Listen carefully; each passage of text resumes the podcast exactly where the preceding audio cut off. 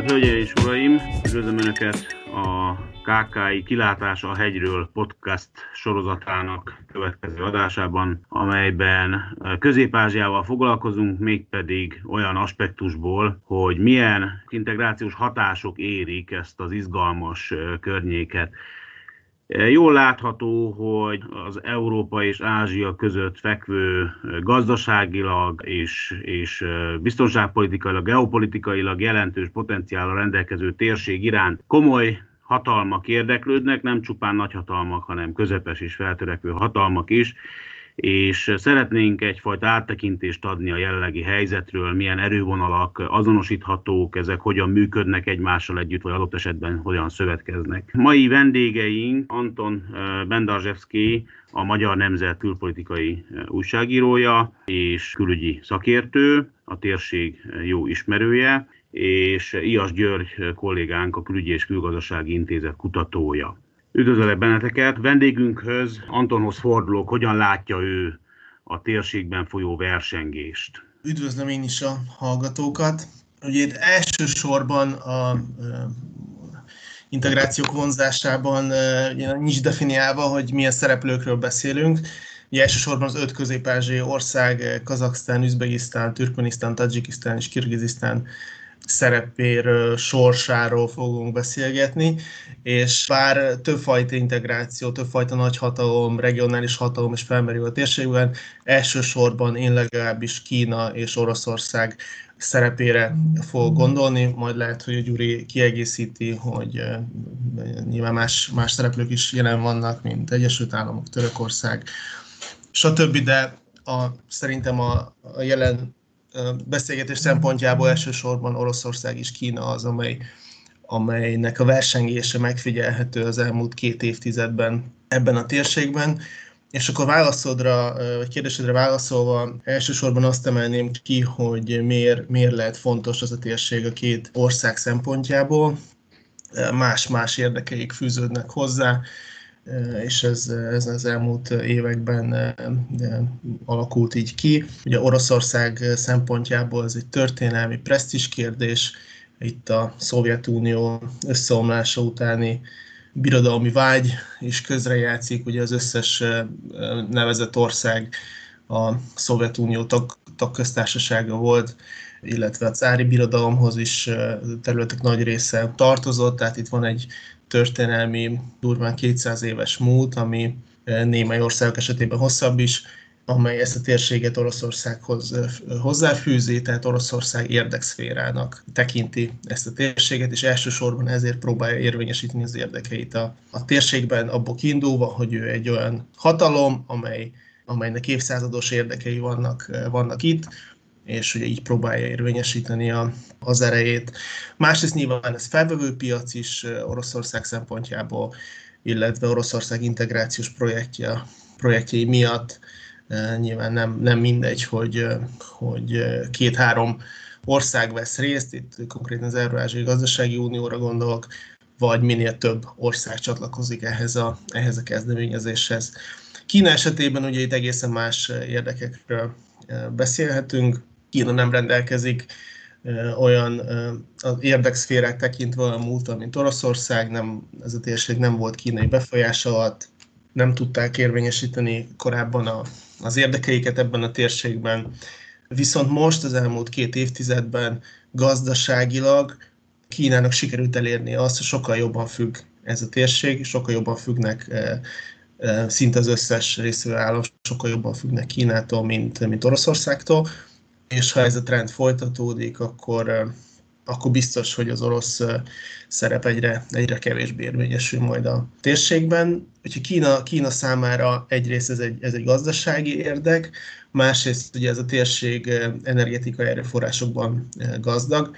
Ugye elég arra gondolni, Türkmenisztán a világ negyedik legnagyobb gázkészlete fölött diszponál, és ugye nem véletlen Kína Türkmenisztánnal kiépített egy, egy gázvezetéket, például 2016 előtt a, a türkmén gáz bocsánat, 2010 előtt a türkmén gáz nagy része Oroszország felé került értékesítésre, azóta pedig már a többsége Kínába megy.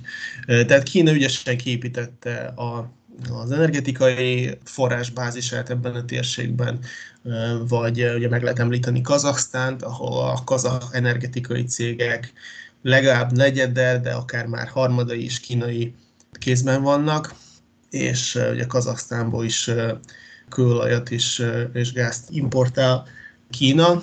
Tehát uh, itt van egy fontos uh, energetikai szerepe ennek a térségnek, másrészt pedig egyfajta hub, egy köztes állomás.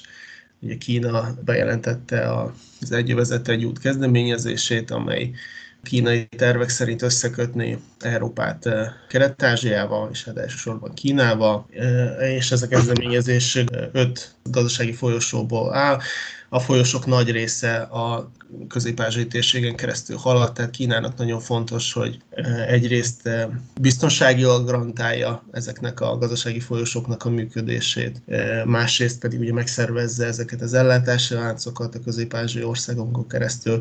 Tehát Közép-Ázsia ebből a szempontból Kínának egyfajta kapu is, hogy bejusson Európába, és zöggenőmentesen garantálja a kínai kereskedelmi áruknak a, a folyamát az európai partnerek felé. És ugye ebből a szempontból kell nézni, hogy itt van Közép-Ázsia, Oroszország és Kína között, mindkét nagy hatalom különböző érdekeket táplál a közép-ázsiai térség iránt, és itt kibontakozik egy, egy olyan dinamika, ami akár jövőben feszültségekhez is vezethet a, a két hatalom között. Köszönöm szépen. Gyuri, mi a véleményed szovjet, illetve poszt-szovjet orosz szempontból? Hogyan látod a, ezeket a vonalakat, mik az érdekek Közép-Ázsiában? Ugye itt, hogyha csak az energia, a világ energiapiacát nézzük, számos dolog megváltozott. Talán már nem is annyira fontos az olcsó gáz, reexportja, vagy tovább exportálása Oroszország számára. Tehát sok, valószínűleg tartom sokkal inkább geopolitikai érdekek húzódnak az orosz jelenlét mögött, egy pufferzóna fenntartása és közben a, geo, a geopolitikai, világpolitikai jelentőségnek az erősítése. Hogyan látod ezt, Gyuri? Természetesen itt több okról beszélhetünk, és a geopolitika az egyik eleme a képletnek.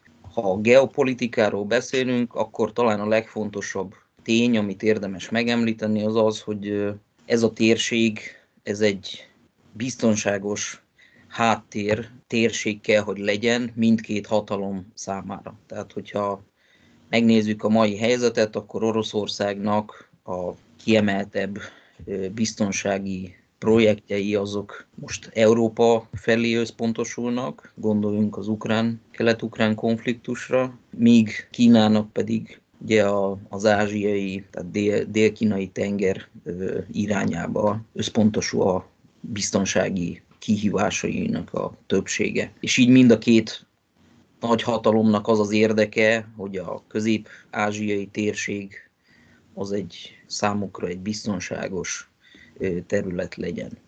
Nyilván, hogy ezen túl számos kisebb geopolitikai, geostratégiai érdek is fűződik a térséghez. Itt ki lehetne emelni azt, hogy a térség országai nagy felvásárlói például az orosz fegyverrendszereknek adott esetben én azt gondolom, hogy az elmúlt időszakban egyébként ebből a szempontból a Kína is megerősödött a térségben, tehát ő is érezhetően növelte a katonai jelenlétét, annak ellenére, hogy a, a két nagy hatalom közötti erőegyensúly az eddigiekben arra épült, hogy Kína főleg gazdasági érdekek mentén került be a térségbe, és azokat próbálta kiteljesíteni, és Oroszország pedig ugye főleg biztonsági szempontból volt jelen a térségben, és csak kisebb mértékben gazdasági szereplőként. Ugyanakkor én nem kisebbíteném a gazdasági kölcsönös érdekeket, tehát itt a geoökonomiai szempontok, amiket Anton is említett az elején, tehát az, hogy a térség az egy számos megfelelő, érdekes és fontos nyersanyaga szolgálhat, ő magában is egy jelentős nemzetközi piacnak számít, kereskedelmi szempontból is érdekes mindkét hatalom számára, tehát itt az Eurázsiai Gazdasági Unió és a kínai egy úti sövezet program, ugye ezek mindkettő nagyobb, fontosabb gazdasági érdekeket képvisel. Most talán érdemes lenne egy ilyen konkrét adhok példát kiemelni, hogy a COVID-19 okozta járvány hatására egyébként ugye akadozik a légi közlekedés és a tengeri szállítás, és ebben a helyzetben drasztikusan felerősödött, illetve fontosabbá vált az eurázsiai vasúti összeköttetés, tehát pontosan ugye a térségben az elmúlt időszakban Kína, Közép-Ázsia, Oroszország és Európa ebben a, a, ezen az útvonalon tulajdonképpen történik a kereskedelem Kína és Európa között. Én magam részéről még talán annyival kiegészíteném a kínai érdekek mentén, hogy ugye itt történelmi előzményekre hivatkozik egyébként minden nagy hatalom, tehát Kína egyébként a Sejemút újjáépítését látja ugye a mostani úti sövezet projektben. Oroszország, ahogy Anton is említette, ugye szovjet és korábbi cári birodalmi múltra tekint vissza, abból fakadó kulturális és egyéb együttműködésekre, de talán érdemes megemlíteni olyan térség számára szintén kiemelten fontos szereplőket, mint Törökországot, amely ugye a türk közös gyökerekre appellálva próbál a térségben szintén mind katonailag, mind gazdaságilag növelni a, a jelenlétét. Irán szintén történelmi közös múltra appellálva van jelen a térségben. Én azt gondolom, hogy ezek a, a hatalmak ebbe, tehát jelenlegi helyzetbe versengenek a térségben, és elég erőteljesen van jelen Törökország és Irán, annak ellenére, hogy meglátásom szerint ugye Oroszország és Kína jelenléte a meghatározó. Köszönöm szépen, nagyon hasznos és érdekes információkat hallhattunk, tulajdonképpen két szempontból, két nagy, nagy hatalom szempontjából megvilágítva a térség helyzetét. Van egy érdekes jelenség azonban, amit láthatunk, és kíváncsi vagyok, mit gondoltok erről. Ugye itt Oroszország és Kína viszonya barátinak tűnik a térségben is, a térs, tehát a közép térségben is, nem csak a bilaterális kapcsolatok tekintetében. Jó lehet tudjuk, hogy alapvetően érdekeik ellenvaló, minimum mondjuk középtávú érdekeik ellenvaló a teljes szövetkezés és az általános szövetkezés. Tehát tulajdonképpen egy egy versengve együttműködés, egy competition talán, ami, ami most ott tapasztalható. Kíváncsi lennék, mi a véleményetek erről? Ugye Or- Oroszország belekényszerült ebbe a helyzetbe, hogyha nem történik meg nem történnek meg a 2014-es események, Krím elfoglalása, kelet-ukrán katonai események, akkor nem biztos, hogy nem biztos, hogy most felhőtlen lenne a viszony Kína és Oroszország között de hát ugye a történelemben nem, nem ismerjük, hogy mi, lett volna, ha állításokat. Úgyhogy ugye, amikor megtörtént Krím, akkor ugye Oroszország hirtelen elvesztette a nyugati kapcsolatait, hirtelen ugye közellenség lett Nyugat-Európába, és ugye a transatlanti államok szempontjából, és ugye nem tehetett más, mint, mint Kína felé fordul, és ugye elkezdte aktívan ápolni, sokkal aktívabban ápolni a kínai kapcsolatait. Ugye nem véletlen, hogy ebben az időszakban indult el a Eurázsiában épített eh, Kínáig eh, és tovább épített gázvezeték, orosz gázvezeték, és, eh, és amikor Xi Jinping kínai elnök bejelentette a, az egyvezet egy útnak az elindítását, akkor Oroszország üdvözölte ezt a lépést, és, és azóta is támogatja hivatalos szinten, de én beszélgettem az elmúlt években több orosz magasrangú diplomatával, és mindannyian azt mondták, hogy Oroszország, az orosz vezetés kifejezetten tart az egyövezet egy út kezdeményezéstől, Kínának egy, egy geopolitikai terjeszkedési programjaként tekint erre a, erre a projektre, és attól fél, hogy véglegesen el fogja veszíteni a befolyását például a többek között a közép térségben, de akár Kelet-Európában is. És, és biztos vagyok benne, hogy az orosz katonai berkekben vannak a fiókban olyan BC tervek, hogy mit lehet csinálni, ha, ahogy a Krím esetében is láthattuk, ahogy meggyengült az ukrán hatalom, előkerült egy, egy B-terv, hogy, hogy mit lehet csinálni ezzel. Biztos vagyok benne, hogy Kína esetében is vannak ilyen tervek, de, de most ugye nem időszerű, Oroszország nem tud mit tenni, kényszeredetten is ugye Kína barátságra van ítélve, egyszerűen nincsenek más szövetségesek ebben a helyzetben, európai szövetségesekkel, volt szövetségesekkel, partnerekkel nem jó a viszony, és, és ha Kínával is, tehát nem engedheti meg magának, hogy Kínával is ezt a viszonyt rossz irányba terelje. És Közép-Ázsiában is ugye az történik, hogy Oroszország az elmúlt két évtizedben figyeli, hogy elveszíti a befolyását. Gyuri is említette például a katonai exportot, Oroszország ugye Amerika után a második helyen áll világszinten a, a katonai eszközök exportjában, de Közép-Ázsiában ez a, ez a mennyiség csökken, és Kína, például Tajikisztánban és Türkmenisztánban Kína kezdi kiszorítani a, az orosz fegyverzetet. Gazdasági szempontból ugyanezt látjuk, hogy mondjak néhány számot is, 2000-ben Oroszország áruforgalma kelete közép 6 milliárd dollár volt, Kínai pedig 2,8 milliárd, tehát Oroszország dupla annyi kereskedelmi forgalmat produkált közép 2000-ben, tehát 20 évvel ezelőtt, mint Kína, 2018-ban pedig 25 milliárd dollár az áruforgalma Oroszországnak, közép térséggel, Kínának pedig 41,7 milliárd dollár. Tehát Kína jóval megelőzte már eh, Oroszországot, eh, néhány éven belül már, eh, már dupla, dupla annyit fog, fog kereskedni Közép-Ázsiában, mint Oroszország.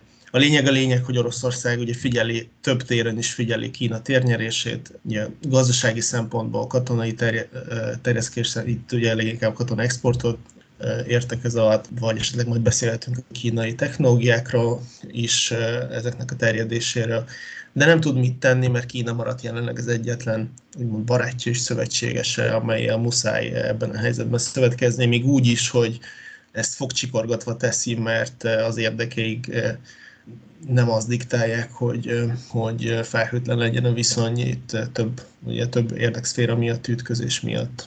Köszönöm szépen, Gyuri, te hogy látod ezt?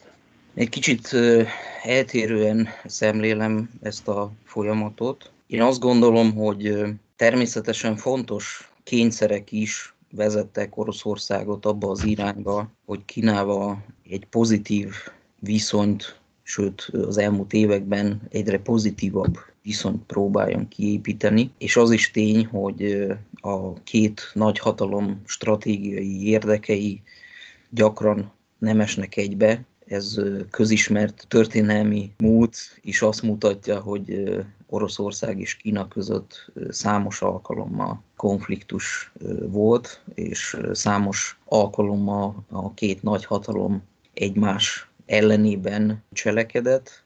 Ugyanakkor az elmúlt, akár az elmúlt húsz évben, de, de az elmúlt tíz évben biztosan a két nagy hatalom egymásra talált. Ez egyébként Szerintem ez az egymásra találás, ez megelőzi a 2014-es eseményeket, tehát a Krim elcsatolását és a kelet-ukrajnai konfliktust, amikor is a orosz keleti nyitást tulajdonképpen erősebben kezdték priorizálni, de ez a keleti nyitás, ez korábban is megvolt. Én nem látom azt, hogy olyan drasztikus lenne a két nagy hatalom közötti eltérés, tehát a térségben való szerepük, én azt gondolom, hogy kiegyensúlyozottabb, mint ahogy Anton említette. Az én érveim emellett arról szólnak, hogy egyfelől a Kína terjeszkedése Közép-Ázsiában egyébként nem, tulajdonképpen nem problémamentes.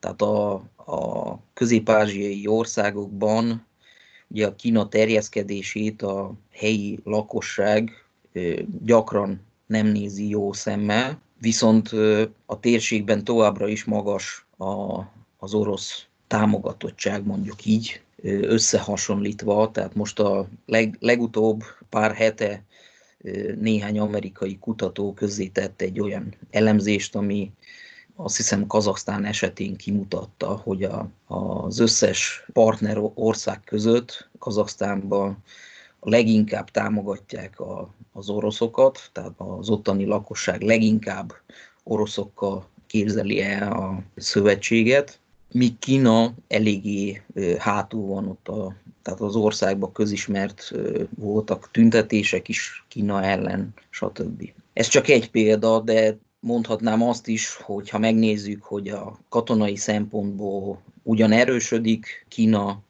a térségben, de a, az országok mondjuk szakemberei leggyakrabban Oroszországban mennek különböző képzésekre, adott esetben tovább képzésekre. Szóval a, az orosz katonai jelenlét az továbbra is meghatározó a térségben, annak ellenére egyébként, hogy valóban ugye érezhető az elmúlt években a Kína jelenlétének az erősödése, de mondhatnám Törökországot is, amely például Azerbajdzsánban jelentős katonai jelenlétet alakított ki.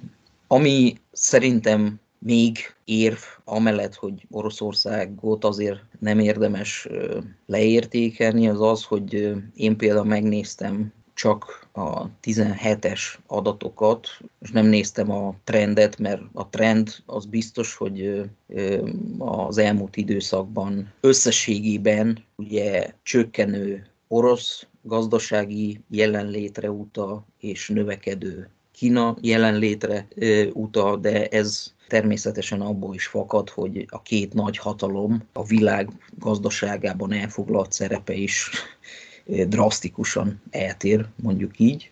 De ennek ellenére a 2017-es export-import adatokban azt látjuk mindegyik ország esetén, hogy Oroszország az első, a második, a harmadik helyen van, körülbelül minden országban. Tehát most példának mondom, hogy Kazaksztánban Kína 13, majdnem 14 százalékos export részesedése az első, Oroszország majdnem 11%-os részesedése a második kereskedelmi partner.